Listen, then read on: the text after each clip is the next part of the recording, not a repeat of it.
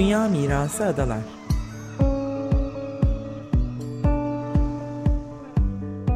Hazırlayan ve sunanlar Derya Tolgay ve Nevin Sungur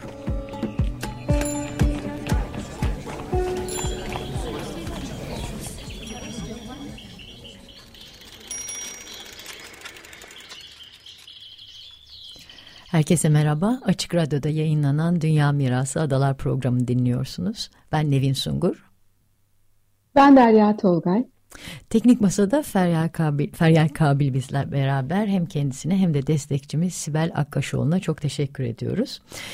Ee, bugün gündemimizde Marmara Denizi var. Marmara Denizi'ni konuşacağız. Göz göre göre kaybettiğimiz ve e, giderek kirlenen, oksijen seviyesi e, giderek azalan aslında çok özel bir deniz olan Marmara Denizi'nin e, son durumunu konuşacağız. Son vahim durumunu konuşacağız. E, Orta Doğu Teknik Üniversitesi'nden Profesör Doktor Mustafa Yücel ile son e, kısa bir dönem e, kısa bir süre önce yaptıkları bir araştırmanın sonuçlarını bizlerle paylaşacak.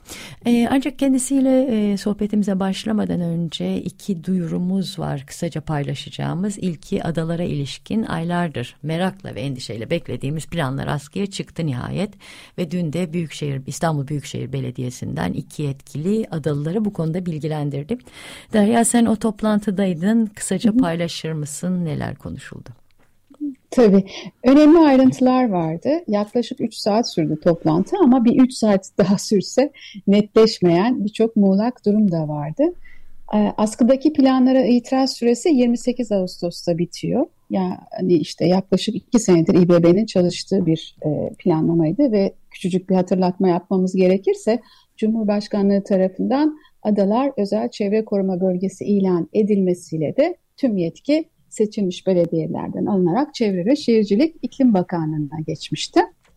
Ee, şimdi bugün ayrıntılara çok fazla girmeyelim ama ilgilenenler bizim Dünya Miras Adalar Facebook sayfasında tamamını bu 3 saatlik yayını canlı olarak kayıt yaptık.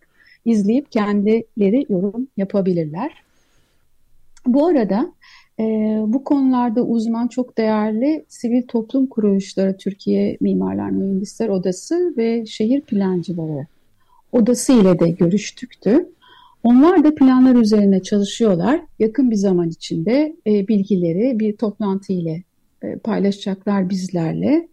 İtiraz, öneri ve gerekirse dava süreçleri hakkında da bilgi verecekler.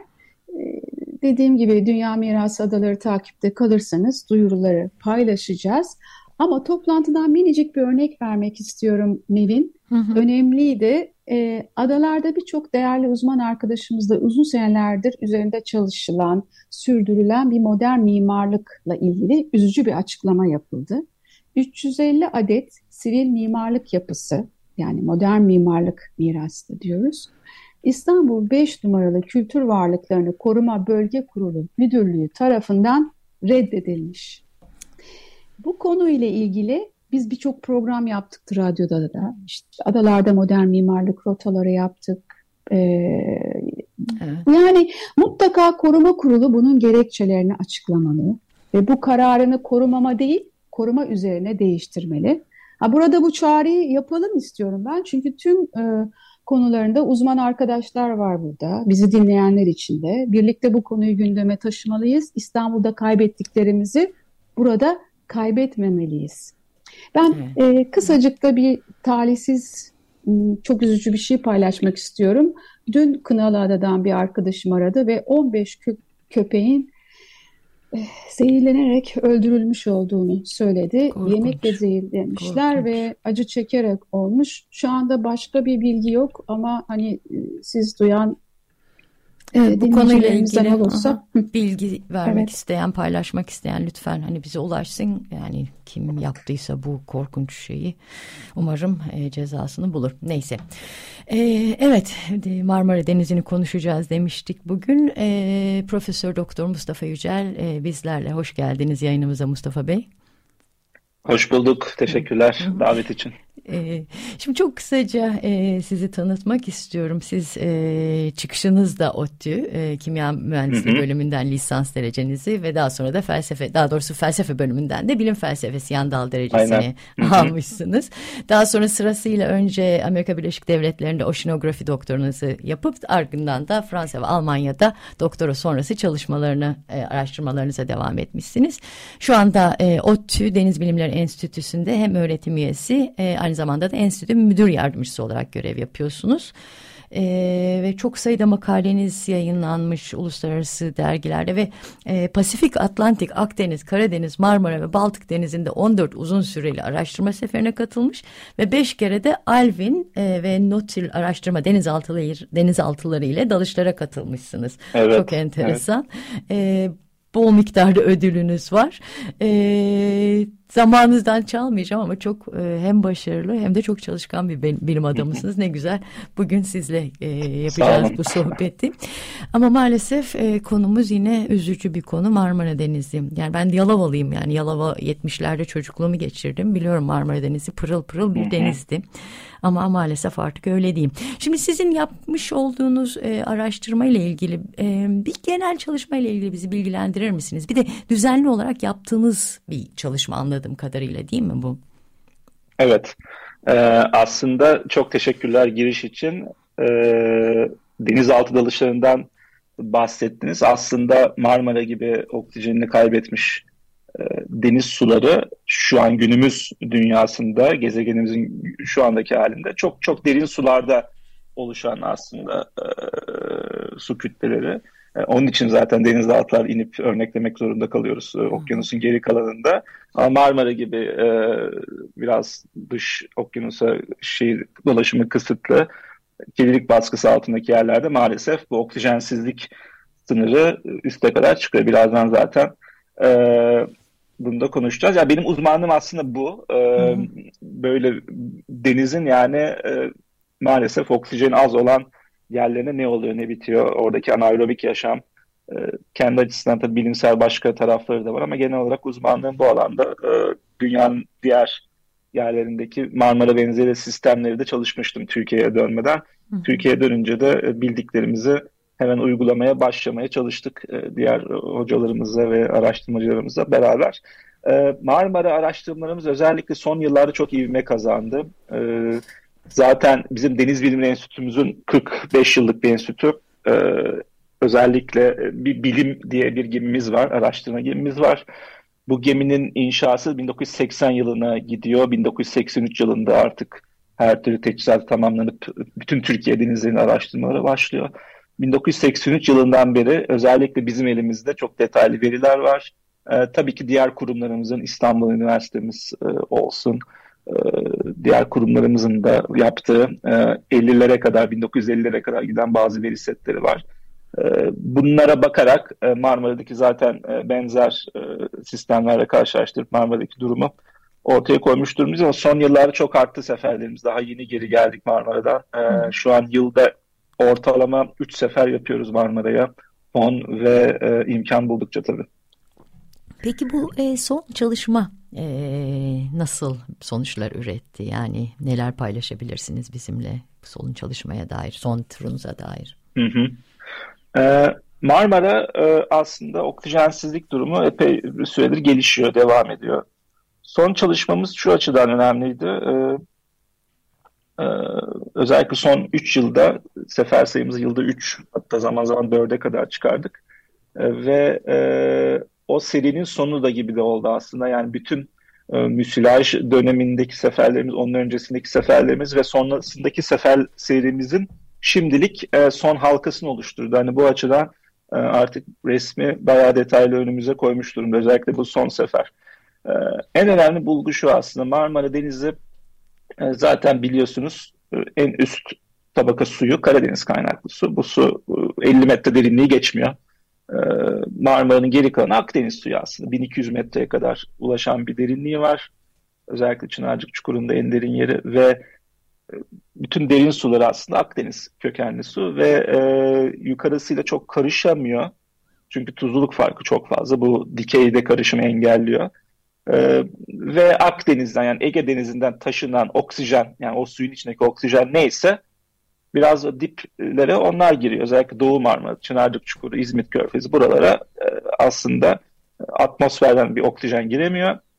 Ta Çanakkale Boğazı'ndan giren oksijen kalırsa oralara yetişmeye çalışıyor. Aslında en önemli bulgumuz bu durumun daha da e, kronikleşerek devam etmiş olduğu e, tabakalaşma hat safhada ve her mevsimde bunu bunu gördük. E, her ayda neredeyse Marmara'ya çıktığımız her ayda tabakalaşmanın çok yüksek olduğunu bulduk ve Marmara'ya tek oksijen kaynağının hala yine biraz işte Çanakkale Boğazı'ndan gelen oksijen olduğunu bulduk. O biraz sistemi ayakta tutuyor. Daha da artık iyice çökmesinin önünde engel oluyor e, diyebiliriz. E, bir başka bulgumuzda özellikle bu yıl e, zaten haberlerde de hep bahsediyoruz sizlerle de konuşurken bu oksijensizlik tek başına olan bir olgu değil. Özellikle kirlilik yükünün artarak devam etmesi nedeniyle zaten onun bir sonucu. Biz bu kirlilik yükünün de aynen Marmara'da hala mevcut olduğunu bulduk. Yani bir azalma olmadığı, özellikle son 2-3 yıldaki yoğun Marmara'nın gündeme gelmesi, bununla ilgili projeler birçok e, tabii ki önlem de devreye alındı, alınmaya çalışıyor ama henüz en azından bunların bir etkisinin olmadığını da kesin olarak bulmuş bulun, durumdayız. Yani e, sonuçlar bu şekilde diyebilirim. Son seferimizin. Sonuçlar esasında bakınca çok ürkütücü. 1200 metre derinlikte var olan oksijenin şu anda 25-30 metreye düştüğünü belirtiyorsunuz. E, bu durum yani üst tabaka ile sınırlanmış olması Marmara Denizi'ndeki biyoçeşitliliği nasıl etkiliyor ve son bu 40-50 senede derin deşarj ile ne tür değişimler gözlendi? Yani onlar sanırım çok etkili iyi bir arıtma evet. olmadığı için. Aratıyormuş gibi yapılıp aratılmayan. evet. İlk, ilk başta çok güzel söylediniz. Aslında geçmişte 50 yıl önce belki 60 yıl önce siz diyelim ki e, çok e, oksijensiz yaşamaya alışmış bir türü çalışıyorsunuz. E, mikrobiyal bakteri türü diyelim. Marmara'nın 1200 metresine kadar örnekleme cihazınızı indirip ya denizaltıyla kendiniz dalıp o örneği geri çıkartmak zorundaydınız. Şu an e, öyle bir konuyu çalışıyorsanız e, 30 metreye belki bir scuba ile dalıp örneğinizi elde edebilirsiniz. Çünkü artık maalesef dediğiniz gibi oksijensizlik sınırı diyelim eşiği diyelim ya da hipoksiye diyoruz hani teknik tabirle. Hı. O eşik e, maalesef artık Karadeniz suyunun bittiği yere o derinliklere dayanmış durumda. Ee, hani Marmara'daki e, son 50-60 yıla verimizin gidebildiği, bütün kurumlarımızın elindeki veriye göre hani buna e, göre giden e, geçmişteki e, ilk e, elimizdeki veriye göre durum bu şekilde. E, derin deşarj dediniz evet bu aslında e, konuyla ilgili tabii ki özellikle 80'ler ve 90'ların başında epey e, bu konunun tartışıldığını biz de gördük geçmiş raporlardan, geçmiş haberlerden ve makalelerden. Tabii ki bu derin deşarj konusu aslında en azından benim kişisel olarak anladığım ve kişisel yorumum e, İSKİ'nin o dönem İstanbul e, Boğazı'na yapılacak deşarjlarla ilgili aldığı bir tasarruf. Ee, o yıllarda ODTÜ Deniz Bilim Enstitüsü de aslında o projenin içinde ve hani Boğaz'ın bir alt akıntısının olduğu, o alt akıntının Karadeniz'e kadar ulaştığı Karadeniz'in dip suyuna bir girdi oluşturduğu nu aslında ortaya koyan çalışmaları e, ODTÜ yapıyor. E, biraz buna da e, bakarak galiba bu derin deşarj yani Boğaz'da çünkü 40-50 metre altında bu alt akıntı artık var Karadeniz'e doğru akan. E, belki o şekilde bir çözüm düşünülüyor o yıllar içinde. Ama bu şu demek değil. Bu 40-50 metre derin, sizin derin deniz deşarjı diye hani e, kabul edilen derinlik e, bir anda bir bakıyorsunuz Türkiye'nin her yerinde öyle bir e, uygulamaya doğru gitmiş durumda. O Boğaz, İstanbul Boğazı için geçerli bir ölçüm aslında. Yani oraya doğru özellikle Boğaz kıyısına olan deşarjların o derinliğe alınırsa en azından bir kısmının Marmara'ya gitmemesi sonucunu doğuracak bir önlem. Diğer yerlerde tabii ki e, demin de bahsettim. E, 40-50 metreden sonra zaten bir Akdeniz suyu var ve e, zaten e, siz oraya doğru bunu vermiş oluyorsunuz. Marmara'nın içinde kalan bir su bu zaten çoğunlukla. Dolayısıyla e, kimi yerlerde zaten özellikle kıyıya doğru bu az önce bahsettiğim Karadeniz üst suyu, Karadeniz kökenli üst tabakanın 40 e, metreye kadar dayanması aslında kıyılara doğru biraz da o şey daha da derinleşir. 50 metre olur, 60 metre olur. Yani bir e, eğri e, doğrultusunda hareket eder. Kıyılara doğru o tabakalaşma belirginliğini kaybeder yani. Ve sizin orada da 40 metreye verdiğiniz bir deşarj aslında dikey karışımda hemen yüzeye çıkması çok çok olasıdır. Dolayısıyla e, bu önlemin en azından e, o yıllarda e, evet Marmara'da kirlilik birikimini çok da önleyemedi aslında. Bugün bugün zaten ortaya çıkan tabloda ortada. Evet, alıcı ortam değil diyor Değil mi evet, bilim evet. insanları Marmara'nın? Tabii şeyde e, yani bu meselelerde çevre meselesinde işte iklim krizi meselesinde şimdi insan değişik bir yaratık yani gözüyle görmeden bazı şeylere inanmayı evet. ısrarla reddediyor. Tabii bu son e, birkaç yıl önce iki sene oldu mu müsilaj? Geçen sene miydi ondan önceki ismi biraz kafam. İki yıl. İki, yıl, yıl değil mi? evet, evet. Tam iki yıl oldu. Evet, şimdi bu müsilaj meselesiyle birdenbire çok tartışılmaya başlandı e, bu meseleler. E, ama şimdi müsilaj ortadan kaybolunca birdenbire sanki hani korona nasıl kaybolduysa evet. yaşanmamış gibi bir durum oldu. Şimdi tabii yani iklim krizi dedim bir de hani kapımızda korkunç bir şey var. Yani bu yaşadığımız sıcaklar hani bu sadece bizleri etkilemiyor. Bütün hani yani okyanuslar ısınıyor, buzullar ısınıyor, e, o şeylerin e, ne denir su ısıları yükseliyor. Şimdi ve bu artacağı görülüyor bu gidişatla. E, şimdi bu sürecin etkisi ne olacak? Yani tekrar bir müsilaj meselesi tabii o sadece ısının artmasına bağlı değil. Yani oradaki kirlilik seviyesiyle de çok alakalı. Kesinlikle. Da. Evet. Bütün bunların bir arada e, sizin hani bir bilim insanı olarak nasıl öngörüyorsunuz bütün elinizdeki verilerle?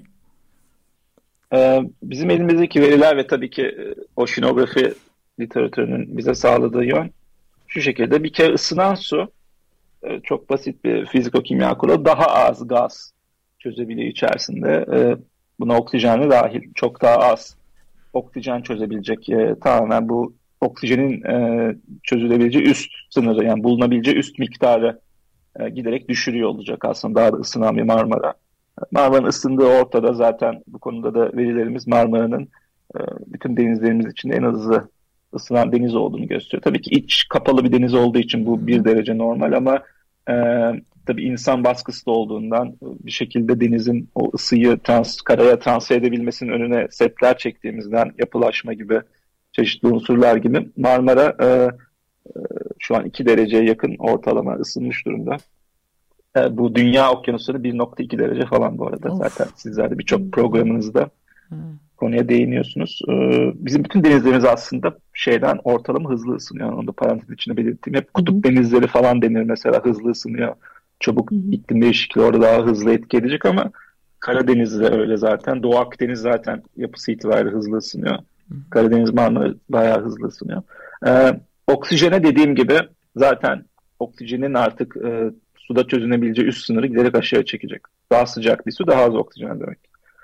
E, zaten e, oksijen tüketen baskılar devam ediyor. Kirlilik baskısı onların azaldığı yok. E, bu koşullarda tabii ki iklim krizinin ilk etkisi bu e, oksijen miktarından olacak. İkinci etkisi müsilaja neden olan o aslında bir plankton patlaması ve orada spesifik bir türün bu mukusu salgılayan ve e, ortamdaki diğer maddeleri birbirine yapıştırıp işte o görünen tabaka oluşturan o türün ya da tür, tür gruplarının e, muhtemelen e, daha da sık e, biçimde patlaması neden olacak. Bunu tam aslında öngöremiyoruz. Bu da doğal. Çünkü plankton yani alg patlamaları e, hangi türün aşağı yukarı hangi haftalarda ortaya çıkacağını belki öngörebilsek de modellerimizle, verilerimizle hani bir sonraki yıl ne olacak diye sorduğunuzda ille de o tür gelecek ve büyük bir e, çoğalım gösterecek diyemiyoruz. E, henüz yani doğayı doğa çok kompleks biliyorsunuz ve hı hı. E, ama giderek modellerimiz tabii ki gelişiyor. Ama şunu söyleyebiliriz. Bu biraz hani küresel ısınma devam ettikçe işte kasırga sıklığı artacak deniliyor ya mesela ya da şu an yaşadığımız gibi özellikle Kuzey Atlantik yüzey suyu sıcaklıklarının inanılmaz derece ortalamanın yukarısında olması gibi böyle ekstrem hava koşulları sıcak dalgalar, sıcak e, hava dalgaları ve aynı zamanda sıcak deniz suyu e, olayları daha da sıklaşacak diyebildiğimiz gibi aslında ısınan bir Marmara'da da e, müsilaj gibi zararlı ark patlamaları sıklığı artacak diyebiliyoruz. Yani geçtiğimiz e, işte 20 yılda bizdeki kayıtlar 2007-2008'de kısmi bir Marmara'da bu olay meydana geliyor. Tabii küçük ölçeklerde muhtemelen zaman zaman oluyor ama esas büyük ölçekte 2007-2008 ve tabii çok büyük tarihi bir ölçekte 2021'de bunu yaşadık. Yani son 20 yılda diyelim ki iki defa böyle bir olay yaşadık diyorsak önümüzdeki 20 yılda emin olun ikiden fazla olacak bu e, olayın yaşanma sıklığı. Ama hangi yıl hangi ay tabii o derece bunu daha tahmin edemiyoruz. Ama oksijen seviyeleri maalesef yardım etmeyecek. Küresel ısınma bunun üzerine zararlı alp patlamanın, müsilaj gibi olayları sıklaştıracak diyebiliriz. Peki geri dönüş dönüş noktasını geçtik mi? Yani hani bundan sonra e, bir geri dönüş olabilir mi? Ya da ne bileyim hani diyelim ki her şey koşullar yerine getirildi falan filan. Hala bir şans var mı onu sormaya çalışıyorum. Aslında şöyle biyoçeşitliği de sormuştunuz. Hı, evet, Bunu oraya evet. bağlayayım biraz. Tabii ki 100 yıl öncesine göre tam ne kaybettik bilmiyoruz ama son 50-60 yıl öncesine göre kayıp çok fazla tür dağılımı.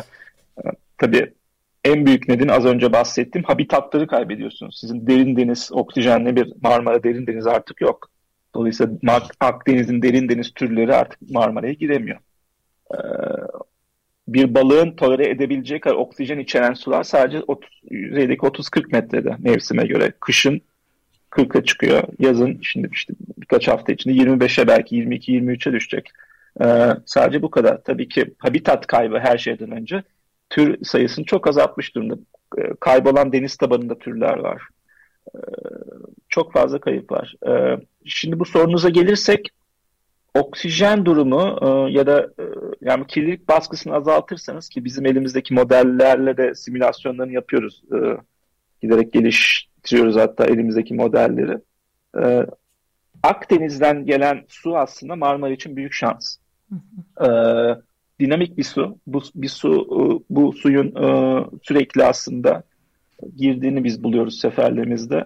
Çeşitli oranlarda e, bu derin denize biraz nefes getiriyor ve rahatlatıyor. Marmara'nın özellikle doğusuna da eriştiği oluyor. Gemlik Körfezi'nin içine kadar, İzmit Körfezi'nin içine kadar o suyun girdiğini biz buluyoruz ölçümlerimizde. bunun aynı şekilde devam edeceğini kabul edersek ki o da olmayabilir, ona sonra geleceğim. Aynı şekilde önümüzdeki 10 yıl 20 yıl e, bu suyun girmeye devam edeceğini kabul edersek kirlilik baskısını şu an mevcut olan özellikle azot fosfor yüklemesine yarı yarıya azaltırsak eğer bizim bulgularımız sistem 5-6 yıl sonra gelişmeye başlıyor oksijen değerleri açısından e, ve 5-6 yıl sonra toparlanma başlıyor. 10 yıl ve sonrasında da aslında o balığın girebileceği derinlik giderek aşağıya doğru tekrar inmeye başlıyor. Ama bu işte sihirli bir değnek olacak da yarın siz kestiniz e, bütün azot özellikle azot fosfor yüklerini. E, yine sistemin içindeki yük kendi içine dönmeye devam ediyor. O sistemin içindeki yükün dibe çökelmesi, sistemden çıkması işte en az 5-6 yıl. Yani 5-6 yıl sonra sistem cevap vermeye başlıyor sizin önleminize. Bizim bulgumuz bu aslında. Zaman süresi, önlemin uygulanma süresi arttıkça da iyileşme giderek belirgin olmaya başlayacak. Bizim e, tabii ki buradaki kabul Akdeniz'den gelen Ege Denizi'nden Çanakkale Boğazı'na giriş yapan ve daha sonra batıp Marmara'nın derin suyunu oluşturan o sudaki oksijen miktarının azalmaması lazım tabii ki. Ama az önce bahsettiğim şey Ege'de de oluyor.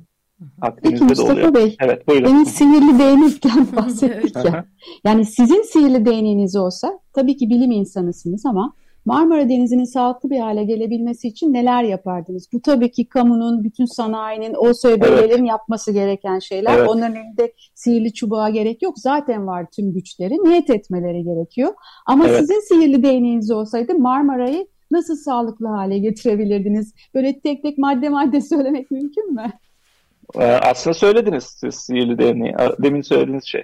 Şöyle söyleyeyim. Marmara'ya şu an e, giren azot fosfor yükünün e, üçte biri Karadeniz'den geliyor. Bu Buna bir şey yapamazsınız. E, ki Karadeniz e, bizim başka projelerimiz de var Avrupa Birliği ulusal. E, 90'lara göre daha iyi durumda aslında. Bir nebze daha iyi durumda. Yani oradan aslında geçmişe göre bir nebze daha az aslında yük geliyor. E, bir birim oradan geliyorsa ama bir birim daha Marmara'ya şehirlerimizden giriyor. Atık suların içinde azot fosfor yükü geliyor. Ve bir birim daha tarımsal kaynaklı havzalardan yayıl olarak geliyor. Ee, Karadeniz'den gelene bir şey yapamazsınız. Ama %66'lık bir kaynak aslında bizim kontrolümüz altında olmalı. Ee, dediğim gibi şehirler belki arıtmalardan başlanabilir. En e, nispeten en kolayı tabii çok zor ama e, en yapılabilir o görünüyor. Sonra da siz çözümlerinizi çeşitlendirerek havzaya kadar yaymanız gerekiyor. Çok iç yani karalığın içine kadar girerek iyi tarım uygulamaları, sürdürülebilir tarım uygulamaları, işte gübre kullanımının çok azaltılması ya da e, şeyin denize ulaşmadan e, azot fosfor yükünün havzadaki bir şekilde e, geri dönüşümle tekrar eldesi, onu tekrar belki tarımda kullanımı gibi gibi birçok uygulamayı çözümü devreye sokmanız gerekiyor. Maalesef sadece arıtmalarla da bitmeyecek bu iş. Az önce size %50 kadar dedim ve hatırlarsanız şehirlerden giren şey toplam Marmara'ya giren yükün %33'ü, üçte biri dedim. Şehirleri halletmemiz gerekiyor. Üzerine bir de havzadan gelen e, o tarımsal yükleri de e, çözmemiz gerekiyor. Evet. Çok Sihirli haklısınız. değnek bir de havzadan, bütün... Evet. Hı hı. özür dilerim, havzadan gelen kaynak sularımız var, sulak alanlarımız var. Hı hı. Orayı da gözümüz gibi korumalıyız değil mi? Evet. Şimdi- Çok güzel söylediniz. Evet. Aha, e, çok süremiz azalıyor artık toparlamamız lazım ama son olarak eklemek istediğiniz ne olur Mustafa Bey yani bilmiyorum hep hep böyle şeyler konuşuyoruz hani dediğiniz gibi deniz yani doğa cevap veriyor bir adım Evet. atsanız hani Evet, o, evet. o mesele adımı atmak değil mi? Ee, Marmara özellikle çözümsüz bir yer hiç değil. Marmara dinamik bir deniz. Aslında Marmara Denizi büyük bir e, Haliç dediğimiz bir sistem. E, Karadeniz suyu geliyor, alttan Akdeniz suyu Karadeniz'e akıyor. Dinamik bir sistem. Eğer baskıyı kademeli olarak azaltmaya başladığımızda sistemin cevap verdiğini göreceğiz. Ama bu tabii ki uzun yıllar alacak. Hemen bugünden yarına olacak bir şey değil. E, açıkçası e, yani elimizdeki bilgiler sorunun kaynağının hani tek bir e, sadece şu giriyor, karadan bu giriyor, sorunu bu yaratıyor gibi de olmadığını gösteriyor. İşte iklim krizi dedik. İklim krizi ile bizim verdiğimiz kirlilik birbirini etkiliyor. E, yeni sinerjik başka etkiler yaratıyor daha henüz bilmediğimiz. Tüm bunları araştırmamız lazım. E, benim son söyleyebileceğim bir şey birçok e, yeni genç arkadaşa ihtiyacımız var aslında. Bu Evet. deniz bilimlerine girecek, bu konulara el atacak, çözüm üretecek. Bir program daha yapalım. Süremiz bitti, uyarı geldi. Tamam. Tamam. Ee, çok teşekkürler. Çok teşekkürler. Katıldığınız için size kolaylıklar Kıymetli diliyorum. bilgileri özellikle Evet. paylaştığınız için bilgiye ulaşmamız da çok zor oluyor çünkü. Çok, Çok teşekkürler. teşekkürler. Kolay Sağ olun gelsin. davet için. Dinlediğiniz Sizlere için de. ayrıca e, Açık Radyo dinleyicilerine de çok teşekkür ediyoruz. E, Hoşça kalın. Herkese hoşçakalın. İyi günler.